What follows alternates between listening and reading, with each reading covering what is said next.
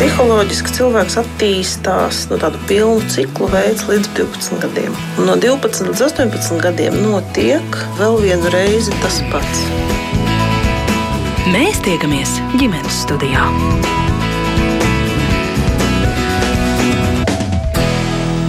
Labdien, klausītāji!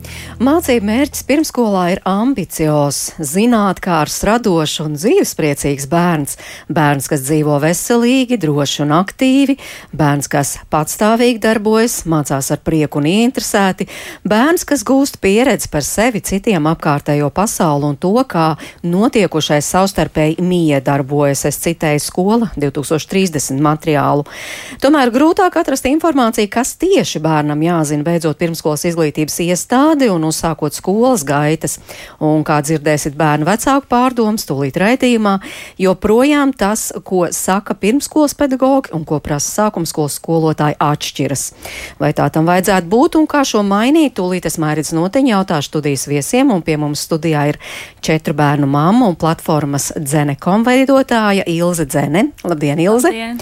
Labdien arī Rīgas centra humanitārās vidusskolas sākumskolas skolotājai Gitai Tomašai Blektei. Labdien. Sveiciens arī Mārups novada pirmskolas izglītības iestādes zīļuks sagatavošanas grupas pedagoģijai Dacei Tomsonai. Labdien. Un es tulīt pārliecināšos, ka pat tālruni mūs dzird arī skola 2030 pirmskolas un sākumskolas mācību satura izstrādes vecākā eksperte Agrita Miesniece. Labdien, Agrita! Labdien! Jā, prieks dzirdat mūs, bet mans pirmais jautājums adresēts Ilzai Dzenei. Jūs pirms kādu laiku savā Facebook profilā rakstījāt, kad bērns 6 vai 7 gadu vecumā beidz bērnu dārza gaitas, pilnīgi oficiāli viņam ir jāprot lasīt tikai īsus, vienkārši divzilbju vārdus. Taču uzsākot skolas gaitas jau oktobrī pirmajā klasē, viņam ir pārbaudas darbs matemātikā, kurā ir piemēram šāds uzdevums. Kraus mašīnā sešas mucas, divas izkrita, cik mucu palika mašīnā, un bērnam ne tikai jāizlasa, bet arī pilnībā jāizprot teksts un jāuzraksta vienādojums. Ilze. Tā ir jūsu, kā mammas un jūsu bērnu pieredze, pa kuru jūs rakstījāt. Jā, nu, man ir četri bērni, un mēs esam mācījušies vairākās skolās, gan lielās skolās, gan mazās, un tās prasības ir ļoti dažādas. Nu, tā, prasības septembrī un oktobrī ir dažādas, un, bet viens paliek tas pats, ka bērnam ir jāprot lasīt tekstu un izprast, ko viņš tur ir izlasījis. Bet tā tad beidzot bērnu dārzu tā nesaka, ka lūk, jūsu bērnam būs jāprot uh, lasīt tekstu, kā jūs Ziniet, sakāt. Uh, es veidoju materiālus, un man viena logopēda tieši uzrakstīja, kāpēc es uh, kā, veidoju šos materiālus, kur bērnam sešos gados būtu jāizlasa teikums, uh, teiksim, pele tur rokā puķis, un ja, vai tas ir pareizs apgalvojums vai nepareizs. Kāpēc es šādus materiālus veidoju? Jo skola 2030 ir tieši ierakstīts, ka tas bērnam nav jāprot. Viņam ir jāprot izlasīt tikai vienkāršus dilzilbju vārdus kā pīle, pele. Un jāsaprot, ko viņš ir izlasījis. Tad kāpēc ir šie teikumi? Tas nesaskan, nu tā kā nav. Bet tā ir tikai jūsu pieredze. Jūs arī jautājāt pēc šī ieraksta, lai arī Jā. citi vecāki, vecāki izsaka savu viedokli, kāds Jā. tas bija. Tā kā es, es varu pateikt to, ka šo, šo platformu jau veidoju piecus gadus, un es katru gadu uzdodu, šo, kā, dalos ar savām pārdomām par šo tēmatu, un katru gadu ir viena un tā pati informācija no vecākiem, ka nekas skolās nav mainījies pa šiem gadiem. Un, un vecāki ir ļoti joprojām dusmīgi, ka, ka šī plaisa ir vēl joprojām nav aizbērta, ja bedra nav aizbērta. Un, manuprāt, tas ir skola 20-30 pienākums aizbērt beidzot šo bedri un pateikt vecākiem, ka nu, tā nav patiesība, ka beidzot bērndārs bērnam būtu jāzina tikai šie mazie vārdiņi. Tas nav patiesa apgalvojums. Patiesībā, um, manuprāt, vecāki tiek maldināti. Jā, par to, ka tiešām ne tikai jūsu pieredze, arī citu ģimeņu pieredze līdzīga. Klausāmies Karīnas stāstu. Viņas dēls mācās pirmajā klasē, un viņa tagad secina kaut arī. Puika apmeklēja pirmskolas izglītības iestādi, tomēr mācībām skolā izrādās nebija sagatavots. Klausāmies! Bērnam pirmajā klasē ir jāmāk jau ne tikai lasīt, bet raiti lasīt. Viņam ir jāizlasa, piemēram, matemātikā teksta uzdevums. Viņš ne tikai jāmāk izlasīt, bet arī ir jāsaprot, kas tiek prasīts, un pēc tam vēl arī jāizpilda. Līdz ar to mans viedoklis ir tāds, ka bērniņš beidzot pirmskolas izglītības iestādi bērnu dārzu nav tādā līmenī sagatavots, kā no viņa prasa uzsākot šīs skolas gaitas un kādas prasības ir pirmajā klasē. Mums konkrēti pirmskolas izglītības iestādē bija problēma ar pedagoģa trūkumu. Bieži vien pēdējos divus gadus bija tikai auklītes, kuras veic šo pieskatīšanas funkciju.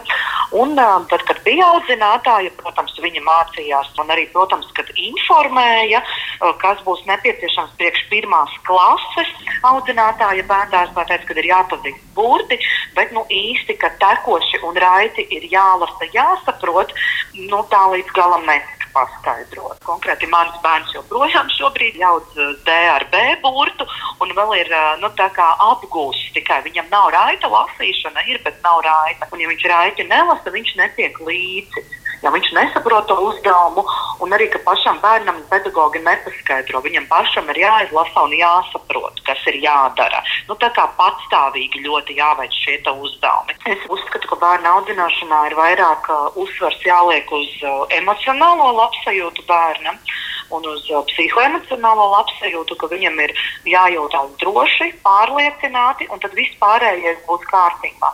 Līdz ar to es viņu nu, ļoti sagatavoju tam, ka tas, kas nav apgūts vai nav zināms, tad to visu viņš apgūs un iemācīsies un zinās. Un uh, es kā vecāks arī pastiprināti darba dienu vakaros un, un, un tātad uh, pēc iespējas brīvajos brīžos mēs arī papildus mājās daudz apgūstam šos burtus un ciparus un nu, pati palīdzu kā vecāks bērnam, lai viņam tā kā ātrāk tas iet uz priekšu. Jo man ir uh, šī pieredze ar bērnu pirmā, man ir vienīgais un pirmais bērns. Varbūt, kad uh, citiem vecākiem ir kaut kā pēc iepriekšējiem bērniem jau kaut kāda pieredze sava. Bet nu, man šobrīd ir tā, ka es pati, nu, kā, ko es izlēmu, kas būtu uh, vajadzīgs vai papildus, to es arī tad, uh, bērniņam nodrošinu. Bet nu, es arī ceru, ka bērns pats aug, viņa vecuma posms attīstās, un līdz ar to viņš jau būs pirmajā klasē aklimatizējies, un jau būs daudz vieglāk, un līdz ar to arī tā mācības arī vieglāk aizies. Tāds lūk, Karina stāsta Dace, kā jūs kā pirmskolas pedagogs komentētu dzirdēto?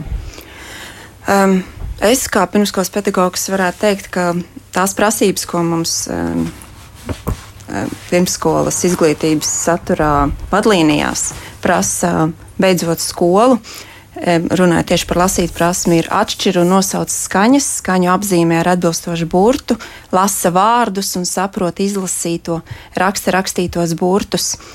Um, Bet tas, tas nenozīmē lasa raiti. Tas nenozīmē lasa raiti, tas nozīmē to, ka viņš var izlasīt, kādam tas iet ļoti lēni, kādam tas iet tā, ka viņš paskatās uz vārdu un viņš jau viņu ir izlasījis. Bet tas nozīmē to, ka viņš ir sēž pie tā vārda un viņu liek kopā, kamēr viņš viņu ir izlasījis. Un kamēr viņš viņu saliek, un tad viņš domās viņu atkārto, un tad viņš viņu saprot.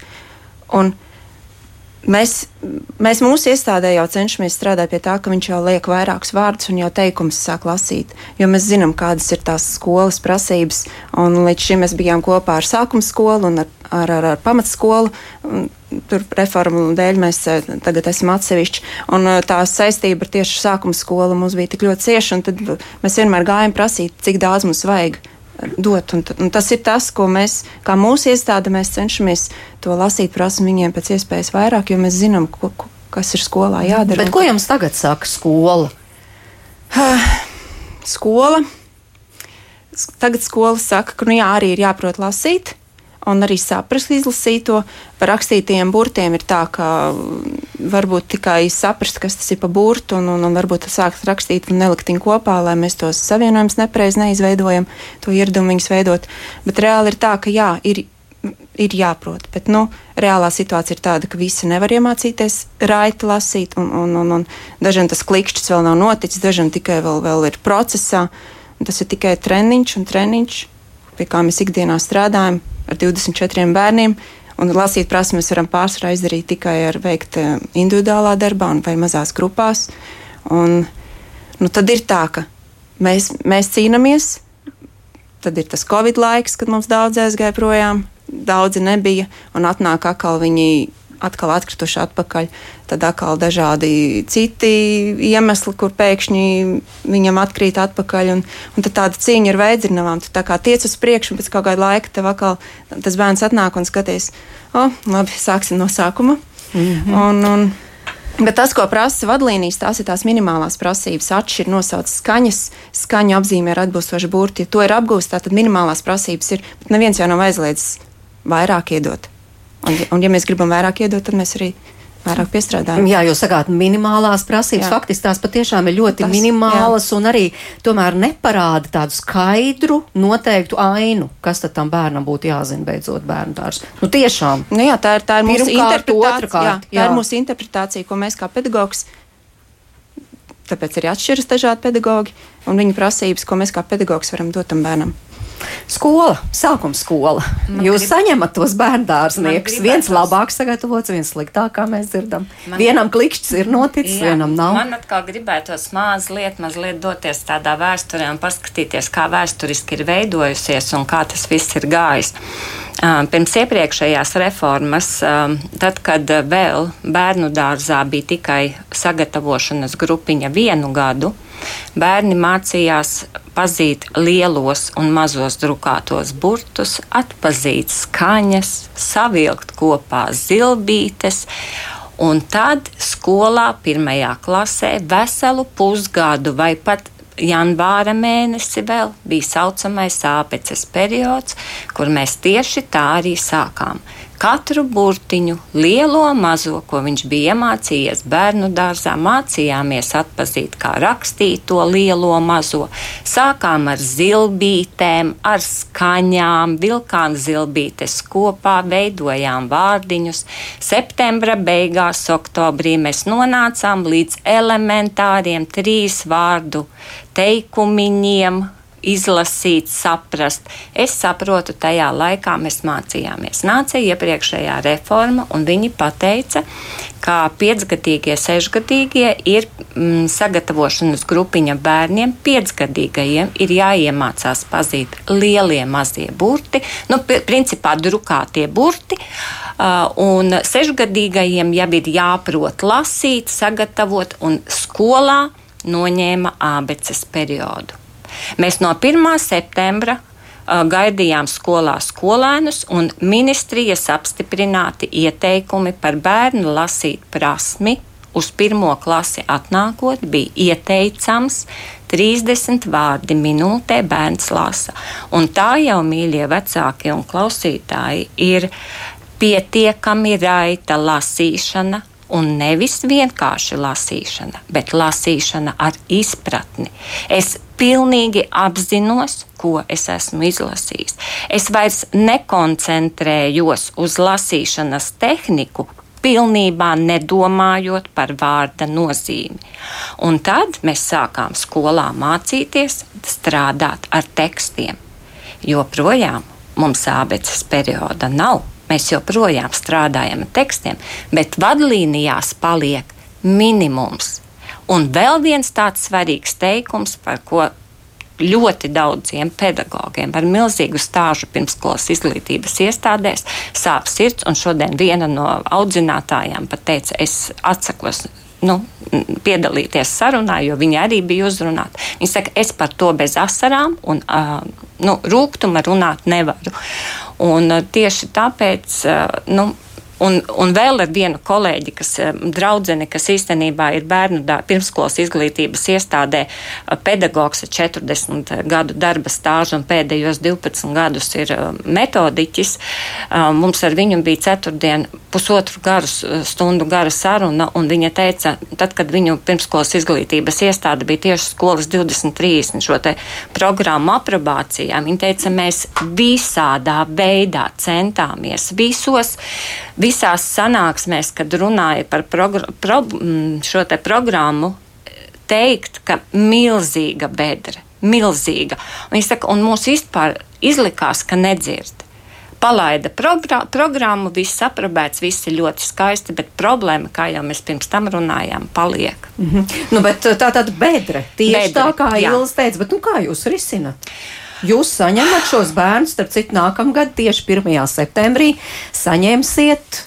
Un redziet, te ir atkal un... mūsu tajā milzīgajā lielvalstī, piedodiet man par manu ironiju, kas ir īstenībā vienas lielas galvaspilsētas, varbūt viena ceturtā daļa.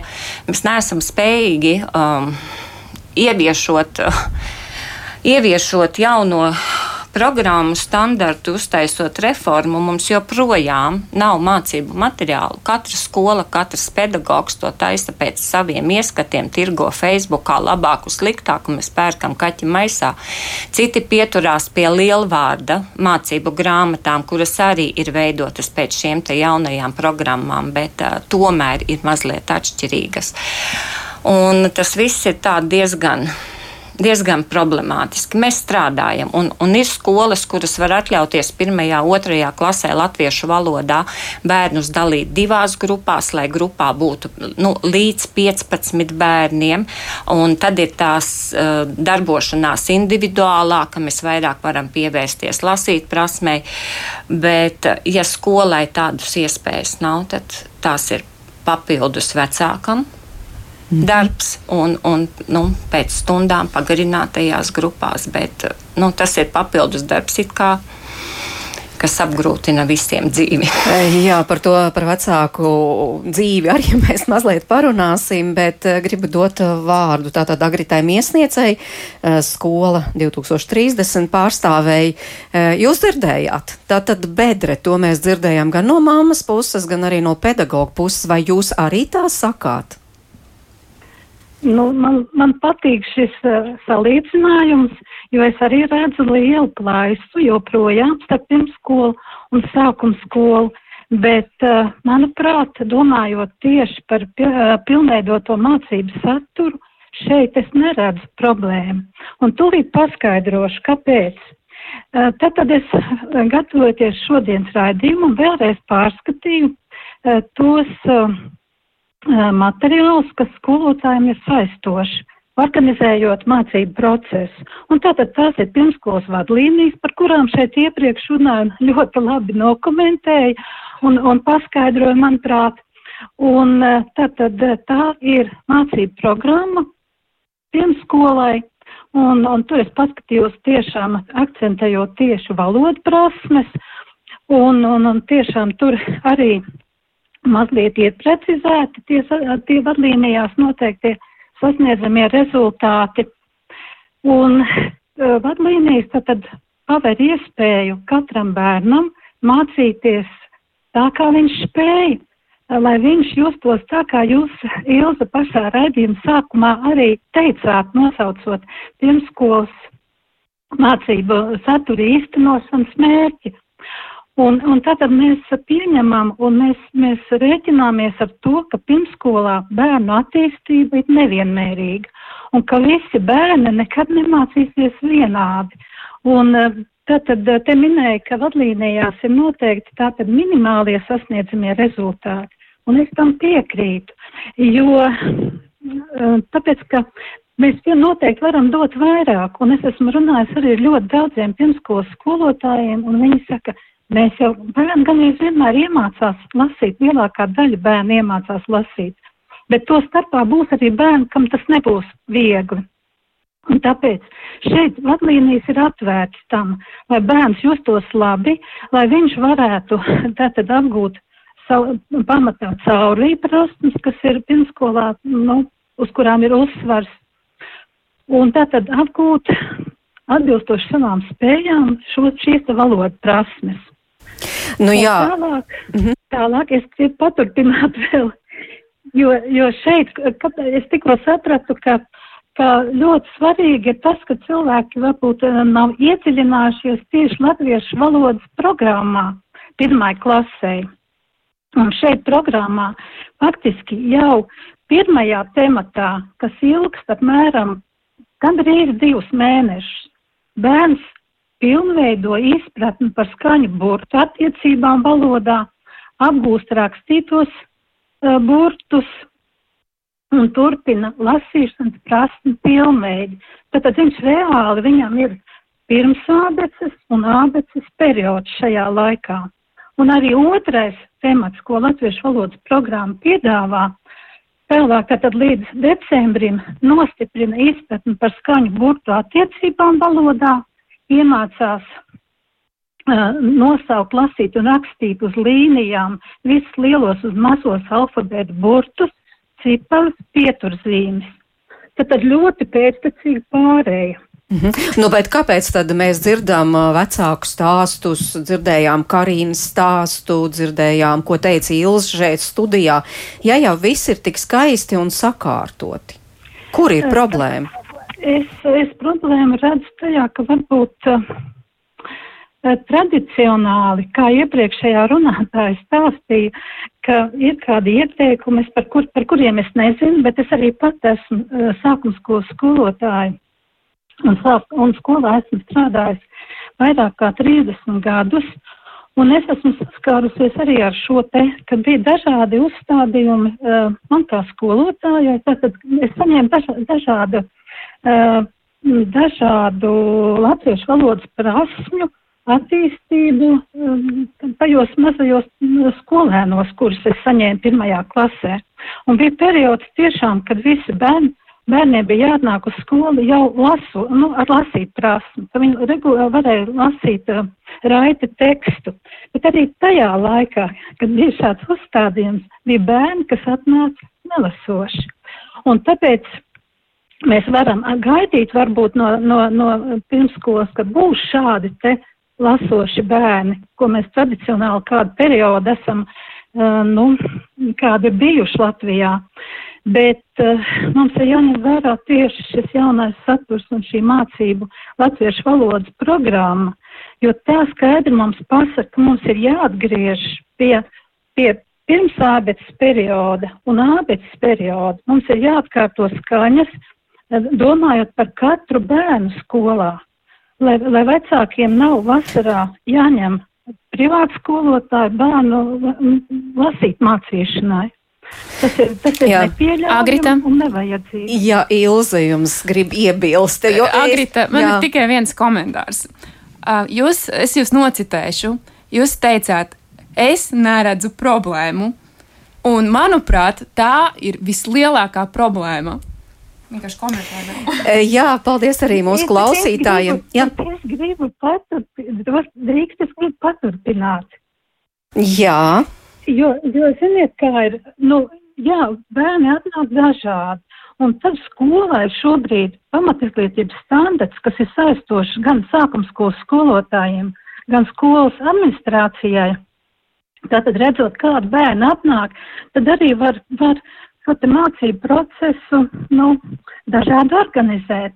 Te jau iepriekšējā runātāja sacīja, ka tas ir gan dalīšana grupās, gan var paņemt lielāku stundu skaitu gan ir skolotāji palīgi. Es esmu runājis ar dažu skolu skolotājiem, mums ir skolotāji palīgi. Un, un tad ir ļoti labi, kad ir dažādi materiāli tādi, kā uh, jūs Ilze uh, veidojat. Uh, tad, tad bērns var dalīt vairākās grupās, viņiem piedāvāt dažādu veidu materiālus. Jā. Jā. Jā, starp citu, paldies arī liels klausītājiem, kur iesaistās mūsu sarunā, un kāda māma mums raksta problēma ir tāda, ka jaunās vadlīnijas domā par individuālu darbu ar bērnu, kas, protams, ir forši, bet reālajā dzīvē daudzi bērni atpaliek un skolā netiek galā. Droši vien, Gita, jūs eh, piekrītoši mājat ar galvu, ņemot vērā savu skolotājas pieredzi. Jo cik, cik jums bērni ir klasē? Mums klasē ir nu, vidēji no 27, 30, 32 bērni klasē. Un mēs esam viena skolotāja, es nezinu, kur agrītam iesniedzēja ir rāvusi tos pedagoģu palīgus. Es esmu viena pati sākuma skolā skolotāja. Ja manā skolā ir tāda fantastiska iespēja, ka pirmajā, otrajā klasē mūs dala uz pusēm, tas es strādāju ar 16, 15 bērniem, viena pati. Man nav pedagoga palīga. Mums tādas štata vienības kā pedagoga palīgs vispār nav. Un, eh, ja man uh, jāpaskatās šobrīd, es arī strādāju gan 4., gan 2., gan 1. klasē. Es esmu metodiķis skolā, un es esmu tās programmas izstudējusi, izpētījusi no sākuma līdz beigām. Tur neviena vārda nav par ābeces periodu. Tur ir konkrēti sasniedzamie rezultāti latviešu valodā, kas tam bērnam ir jāprot. Un, nu, tāpēc man šobrīd tas viss izskatās tāda bumbiņa smētāšana atkal. Bet cik palīdzošas ir šīs dažādas metodas, kuras te pieminēja, ka var taču ar bērniem grupās strādāt, ir visādas Bāri citas grupās. metodas, kā varētu uh, strādāt Bet, un saprotiet, sasniegt tiešām labus rezultātus? Ir, ir, protams, mēs strādājam, tā ir uzdevumu diferencēšana un viss pārējais, bet uh, ja klasē ir viens, uh, daudzi bērni, kuri patiešām lasa, Cits uz pirmo klasi atnāk 40, 50 vārdus minūtē, lasa ar izteiksmi, kur nu vēl tikai raiti. Un ir bērns, kurš knapi boksterē, un viņš vispār nesaprot, ko ir. Tiem labajiem lasītājiem, ja arī mēs kaut ko lasām un darām kopā, viņiem ir garlaicīgi, kamēr es dodu iespēju. Mēs skolā un pirmsskolā nav neviena izglītības iestāde, kura nedod, nedomātu par bērnu labsajūtu un neprasītu no bērna to, ko viņš reāli fiziski nevar izdarīt. Tā kā Jā, Jo te mums arī klausītāji piebilst, ka ne jau tikai mēs tagad tā vairāk par to valodu runājam, lasa, nelas, bet faktiski tas jau ir visam pamatā. Nu, piemēram, šeit mums uh, Katrīna raksta, uh, pieminējāt latviešu valodas programmu, bet matemātikā jau, jau ir jārisina tekstu uzdevums. Vājprāts nav pirmajā klasē, tas viss vajadzīgs. Bērniem jau sāk riepties skola, jo entiem mājas darbu un tam līdzīgi. Jā. Nu, es gribētu teikt par tiem matemātikas. Matemātika īstenībā pirmklasniekiem grūtības nesagādā, jo viņi atnāk uz skolu ļoti labi skaitļojot pirmajā desmitā. Viņiem teksta uzdevumi tajā pirmajā pusgadā ir vairāk vai mazāk. Uh, atzīmējumiem, ko viņš saprot kā piktogrammas, un viņš spēja izsecināt. Bet uh, tad, kad viņam jau ir pirmais semestris uz beigām, jā, tur ir uzrakstīts viņiem, un viņam ir jāprot izlasīt, viņam ir jāprot saprast, ko no viņa grib. Viņam ir jāprot salīdzināt un izteikt to, ko no viņa prasa. Dāce, jūs piekrītat, ka ar to matemātiku, piemēram, Jā, matemāt... vai ar rakstīšanu, jo tur jau ir ne tikai lasīt, rakstīt, rēķināt. Parasti ir Jā, tās trīs kompetences. Tā joma, kas uh, lielākai daļai ir um, tiešām iet ļoti labi, un tie, tā ciparu cipar domāšana viņiem aiziet ļoti labi. Un tā lasīšana ir tā, pie kuras mēs tā vienmēr tā iespringstam, un, un, un, un tas tāds sāpīgs jautājums, jo tiešām bērni ir tik ļoti dažādi, un man šķiet, ka ar katru gadu ar vien paliek, diemžēl, daudziem ar vien grūti grūtāk šī lasīt prasmes uh, apguve. Uh, iemesli ir visdažādākie, gan, gan, gan mācību traucējumi, mācību grūtības, gan varbūt pat digitālo ierīču ietekme, jo Jā. vairs nav tik interesanti, ne, nav kustīgās bildītes un tie garlaicīgie burti un tā iekšējā motivācija tur to nosēdēt to mirklīti. Protams, mēs meklējam dažādas metodas, kā, kā, kā viņus ieinteresēt, vilkt tos burtiņus kopā, bet uh, man liekas, ka tā ir tā mūsdienu tā attīstība, uz ko mēs ejam, ka, diemžēl, ar vien, paliek ar vien vairāk, kuriem ir grūti. Jā, bet par tām dažādajām metodēm, jo arī skola 2030 jau tā kā piedāvā pilnīgi prasmes, citādi jā. organizēt darbu, jā. kā arī pirmskolā šobrīd notiek. Vairs jā, tur ir tie, laikam, tās stacijas, ir, kur jā, mācās ir centri, mat, kuros mēs darbojamies, un bērns katrs pats izvēlas, kurā brīdī, kurā centrā viņš ies un kādu darbiņu izdarīs, un tā ir viņa atbildība šo darbiņu paveikt, un tad, tad nu, tur kā, kā mēs katrs tur izveidojam. Nu, šobrīd jau ir tā, ka viņi vienkārši zina, viņiem tas jau ir kā norma. Tur. Izdarīt to, to, to, to, pabūt tur un tur un tur. Nu, protams, nu, jā, valodas centrs ir tas, kur, kur, kur varbūt ilgāk jāizķerās un kur tiešām skolotājiem ir jāpasēž vairāk. Un ir ļoti jauki, ja ir tas skolotāja palīgs, kas mums ir, ja viņš tajā brīdī nav kā apkopējis un nestrādā grupā, kā, kā vairāk, kas lielākoties, diemžēl, tā arī mums ir. Uh, kur, kuru mēs piesaistām, tad mēs vēl ar kolēģi izdomājām vienu gadu modeli, kurā mēs paralēli strādājam abas divas grupā. Lieliski! Bet mm. mēs tā varējām mēnesi nostrādāt, un tad mēs jutām, ka mēs vienkārši izdegam. Bet tas arī tomēr nepadziļina pro, pro, problēmu. No vienas puses, labi, bērni kļūst patstāvīgāki, Jā. viņi mācās to, ko viņi grib, un tad, kad viņi grib, nu, piemēram, ja tā valoda ne īpaši, tad tā tiek, tā teikt, atbīdīta pēdējā. Nu, tā tiek atbīdīta pēdējā, bet uh, mēs ar viņiem strādājam tā, ka tev visos centriņos ir jābūt. Varbūt kādā citā dienā tu arī varbūt, vari aiziet, jo ir, ir, ir, ir um, grupas, kurās es zinu, ka tā ir, ka katru dienu ir viens centrs, kurā tev noteikti ir jābūt. Um, mēs ar kolēģi esam vienojušies, ka mums katru dienu visos centros, un tad mēs mainām šos uzdevumus, lai viņiem būtu interesanti, jo tiešām viņiem, viņiem ir garlaicīgi, un viņi visu laiku jā, jā, gluži vai jāizklaidē. Un tā aizklaide ir tā mūsu mācīšanās. Kā jūs viņus izklaidējat? Nu, ar dažādiem uzdevumiem, un tad mums vienmēr ir um, saldējs ēdiens, tā ir māksla. Um, un, un, un tas tāds kā saldējs ēdiens, tur mums tāda. Nu, Tāda noruna ir, ka nu, tas saldējs ēdiens uz beigām, tad, kad tu tur visus tos, tos grūtākos esi padarījis, tad tu dodies uz saldu ēdienu. Nu, tā. Eh, klausītāji jautājumi. Krista rakstā, kāpēc nevar bērnam mācīt jau pirmskolā rakstītos burtus. Mēs, tas ir Montesori dārziņā, drukātos burtus nemācam vispār, bet bērni tos atpazīst. Viņi raksta un lasa rakstītajiem burtiem bez problēmām, dabiski un īstajā laikā tos apgūstot bez jebkādas piepūles un nekādu problēmu. Lūk, jūsu kolēģis novērojums. Jā, nu mēs arī rakstītos burtus eh, pēc programmas um, tie rakstītie burti parādās tieši sagatavošanas vecumā. Un, un tie drukātie burti jau ir vidē visur apkārt, un tos jau mēs visu laiku.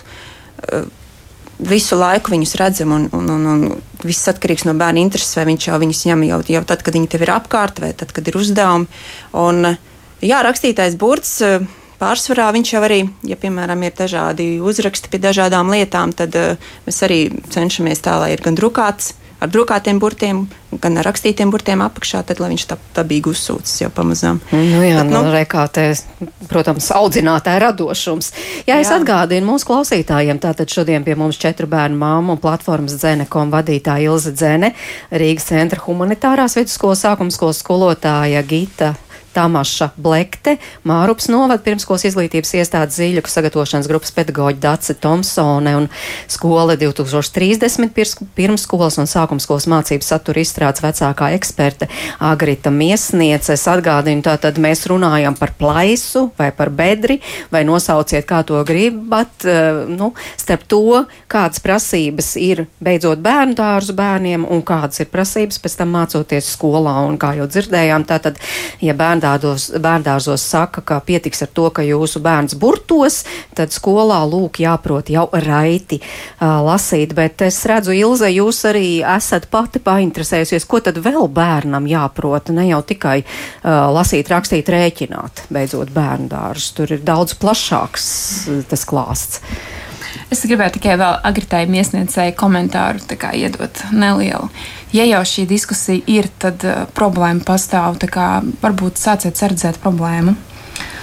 Bet otra lieta par to, ka mana meita pabeidza sešos gados bērndārs. Man bija fantastiski pirmskolas pasniedzēji. Es gribēju jums pateikt arī lielu paldies, jo jūs vienkārši uzrakstījāt uz A4 lapas uh, kas no divām pusēm ir aprakstīta, kas bērnam būtu jāprot, uzsākot skolas gaitas, un tas nav tikai lasīt prasme un rēķināšana. Tās tiešām ir sociālās iemaņas. Un arī personības attīstība, izpratne par apkārtējo vidi un sabiedriskajām dzīves norisēm. Un, un gribu vienkārši pavisam nelielu tādu piemēru, ka bērnam arī ir jāzina pulkstenis. Tomēr. Mm -hmm. Jo, ja viņš aiziet uz skolu, viņam no telefona viņš vienkārši nezina, tad viņam ir jāiet ārā no klases. Nu jā, bet zināšanas, bet arī stāsts arī par tādu emocionālu audzināšanu, tā, vai absolūti. ne? Jo bērnam taču arī ir uh, sportiņš, un bērni mēdz aizmirst savu sporta maisu. Es, piemēram, pirmajā klasē savam bērnam trīs sporta uh, maisus nopirku. Tāpēc, ka vienkārši nu, šīs sociālās prasmes nav tik attīstītas, lai viņš varētu kā, par savām mantām parūpēties.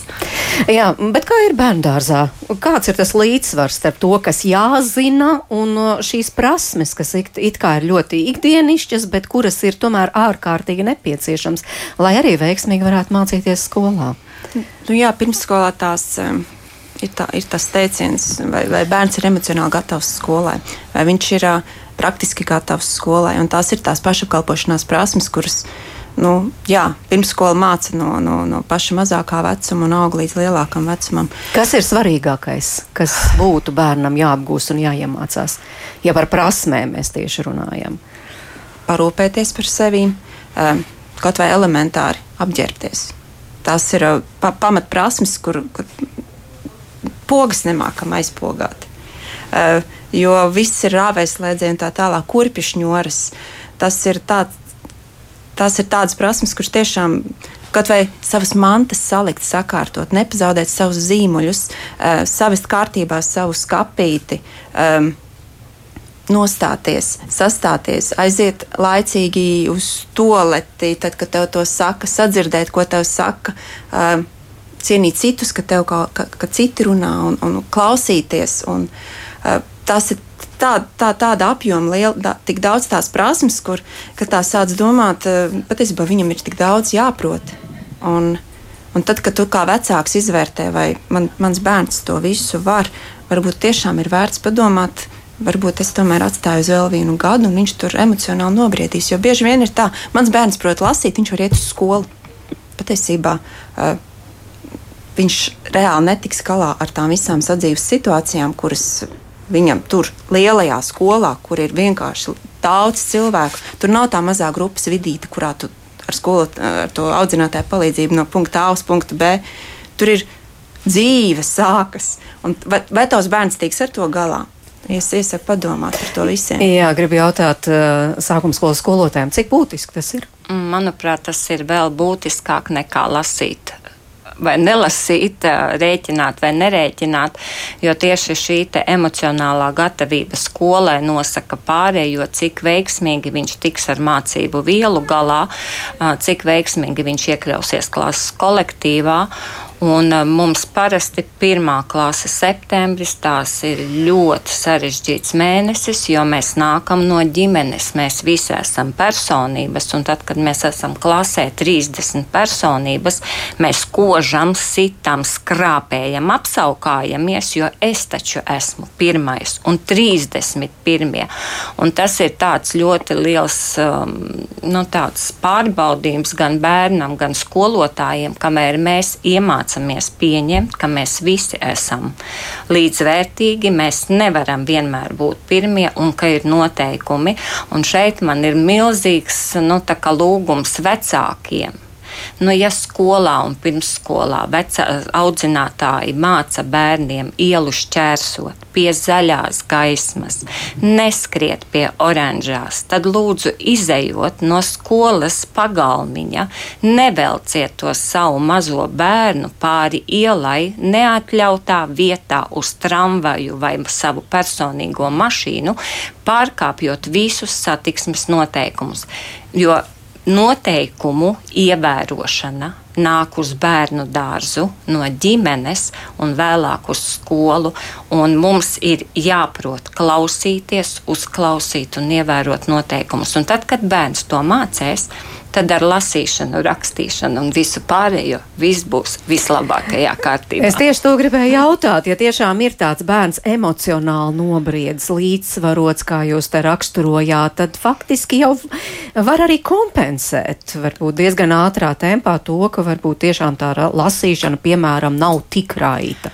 Un vēl ir viena tāda liela problēma, ka man ļoti gribētos šobrīd pateikt vecākiem, mīļie vecāki, jums bērnu dārzā bērns ir līdz pieciem vai četriem, kad jūs aiziet mājās. Bet nedomājiet, ka tas jūsu pirmklasnieciņš ir jānopako no septiņiem rītā ar pagarināto līdz pieciem vakarā un entajiem pulciņiem vēl pēc pagarinātās dienas grupas, kad viņš ir pārguris, atnācis mājās, ka viņam nav laika. Viņam vēl ir arī jāpamācās kādu dzējoli no galvas iemācīties, arī palasīt un gluži vienkārši paspēlēties. Un tā ir vēl viena milzīga problēma, ar ko mēs saskaramies pirmajā klasē.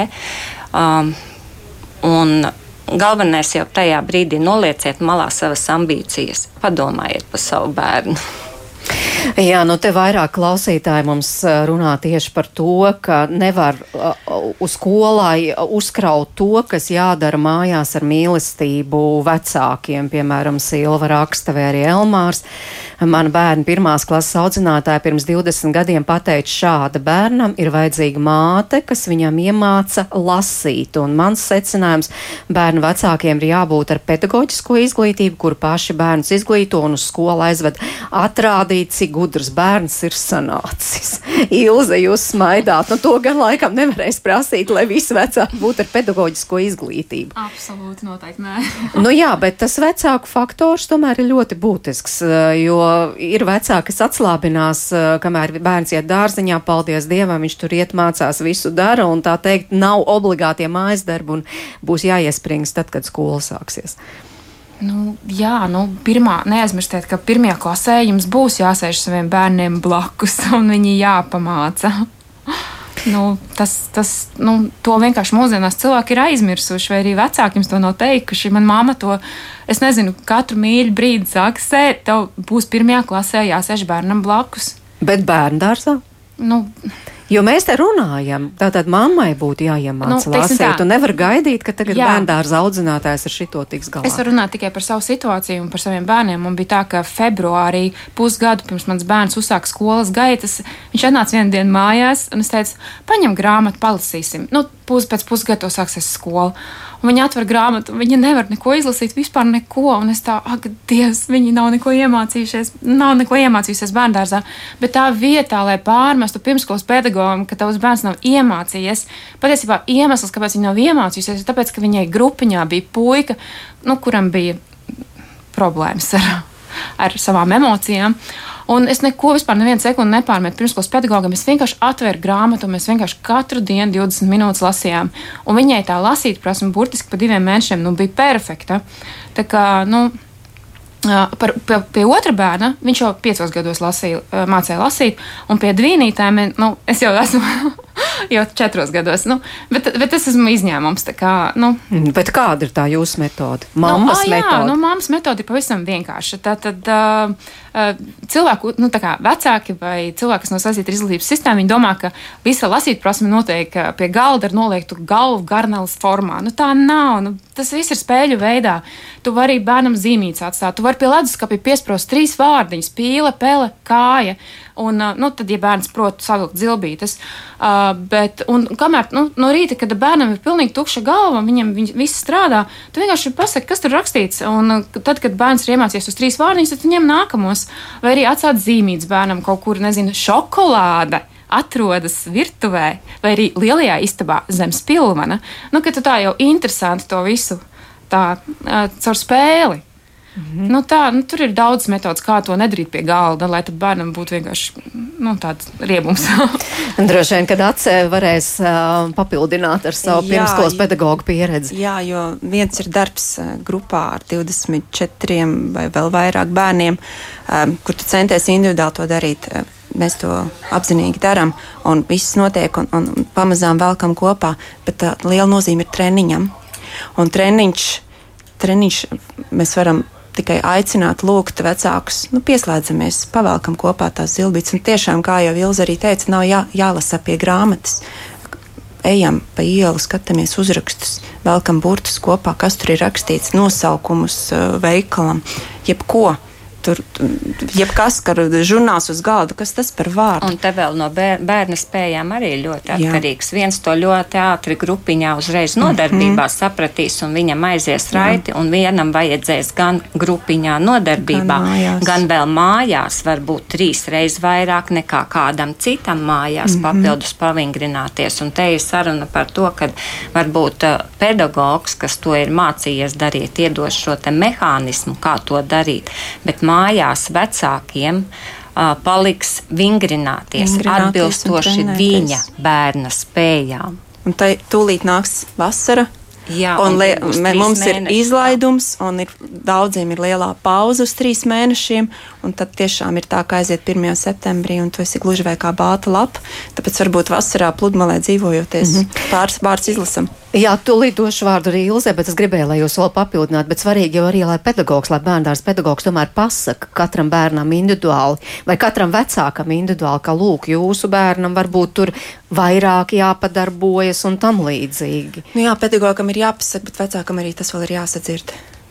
Tur mhm. arī tā problēma. Bet nu, tiem bērniem, kuriem ir not, noticis tas klikšķis, nu, ir tā lielā interese, un viņš tiešām kā, kā izsaucis steigā un lasa visu, ko redz, tam varbūt pat eh, nebūs īpaši aicinājums vajadzīgs, bet tiem, kuriem ir nepieciešama šī, šī nelielā palīdzība, nu, lasam visu. Tūlīt, Ilze, tūlīt došu jums vārdus, gribu iestarpināt, ko Kristīna raksta, iesaka visiem nedot bērniem ierīces. Bērns ļoti ātri iemācījās lasīt, rēķināt, un beidzot bija interesanti arī ar māmu burtus paskatīties un cipars. Jā, lūdzu, Ilze. Nu, jā, es vēl gribēju pateikt, ka, nu, vienkārši kā parasta māma varbūt, ja, tu, ja jūs jūtat, ka jūsu bērnam nav šis slavenais klikšķis, nu, ko jūs darat, vai ne?